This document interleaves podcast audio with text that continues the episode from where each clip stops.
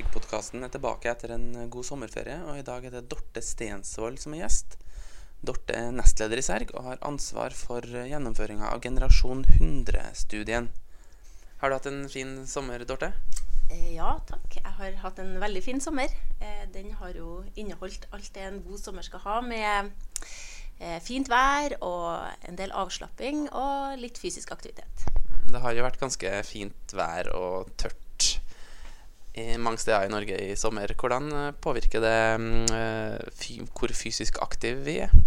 Ja, været det påvirker absolutt aktivitetsnivået vårt. I det datamaterialet vi har brukt i våre studier, så ser vi at eh, folk trener mindre når det er dårlig vær.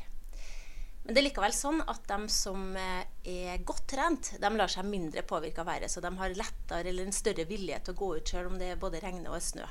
Det du snakker om nå, er altså resultater fra Generasjon eh, 100-studien. En av de aller største og viktigste studiene vi gjennomfører i Serg. Si litt om bakgrunnen for Generasjon 100, og hvordan studien har blitt gjennomført. Bakgrunnen for Generasjon 100 eh, det var at vi ønska å finne ut om trening gjør at eldre eh, lever lenger, og om det kan forebygge eh, mot sykdom.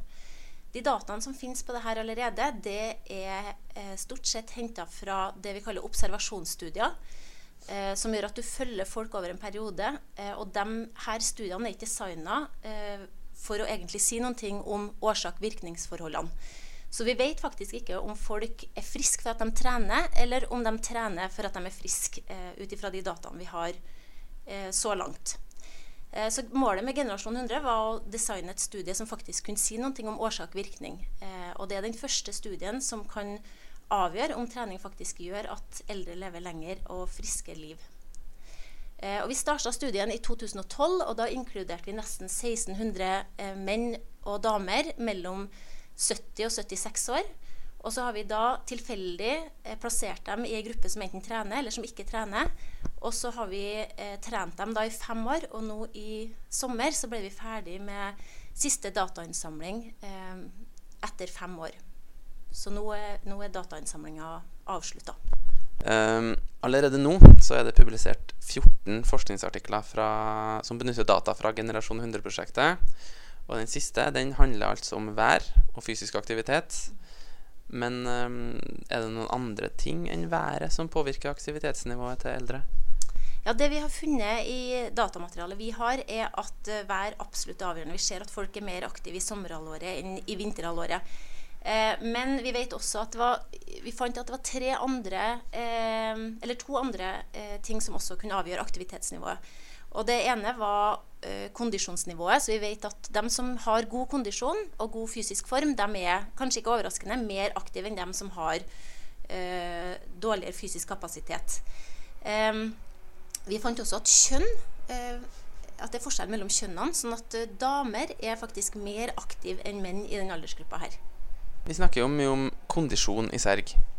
Hvor sprek er egentlig en gjennomsnittlig 70-åring? Eh, ja, eh, det datamaterialet vi har, er jo helt klart det største datamaterialet i verden som sier noe om den fysiske kapasiteten hos eldre menn og damer. Eh, I gjennomsnitt så var det sånn at menn hadde et kondisjonsnivå som lå litt over 30. Det var vel på 31 for menn, og så ligger det på 26 for damer i det datamaterialet vi har. Og så så vi at menn og damer som har hjertesykdom, de ligger sånn mellom 15 og 20% lavere enn dem som er eh, helt friske. Em, Tidligere studier fra HUNT har vist at kondisjonsnivået detter med ca. 6% for hvert tiår. Så vi vet at kondisjonsnivået går ned med alderen. Og så vet vi ikke helt om hvor mye av dette her som skyldes aldringsprosessen i seg sjøl, altså mekanismer som er knytta til aldring, eller hvor mye som skyldes at folk trener mindre og kanskje ikke så, eh, så mindre og ikke så mye som før. da. Eh, Men det er viktig å si at det var veldig store individuelle forskjeller. Så vi har faktisk 70-åringer som har en, et kondisjonsnivå som ligger på eh, nivået til 25-åringer, både hos damer og menn. Så, sånn det er i hvert fall en mulighet her til å opprettholde kondisjonsnivået til tross for at man blir gamlere. De tallene det snakker om her, altså 30 og, og 26, det er altså da oksygenopptaket. Finnes det noen måte man kan finne oksygenopptaket sitt på uten å teste? Ja. altså Vi har jo testa direkte med, med, maske, og hvor du kobler til da, eh, noen gassflasker og opp på tredemølle og sånn. og det jo en, krever jo litt både av den som skal teste seg, men, og ikke minst av utstyr og den som skal teste. Eh, men vi har jo utvikla en kondisjonskalkulator på Serg eh, som skal gjøre det mye lettere til folk til å finne ut kondisjonsnivået sitt. og Den ligger jo på hjemmesida vår. og Der skal du bare oppgi en del eh, faktorer som du lett kan finne hjem. og Så plotte inn de tallene, og så vil du få et, et tall på hvor, hvor, god kondisjon du har. Men Da kan man altså sammenligne seg med de som da har deltatt i Generasjon 100, og andre på sin egen alder. Mm, basert på det dere har funnet ut i Generasjon 100-studien så langt, Hvorfor er det viktig for eldre å ha god, god kondisjon? Ja, eh, Det er jo tidligere visst at uh, god, kondisjon er den beste prediktoren, eller uh, den som vil si mest om hvordan det går med deg i framtida. Sånn at vi har lenge jobba med det her, at det er viktig at folk er, er, klar over hvor god kondisjon de har, og prøver å øke den. I generasjon 100 så har vi også sett det, at god kondisjon senker risikoen for det for å få for hjertesykdom.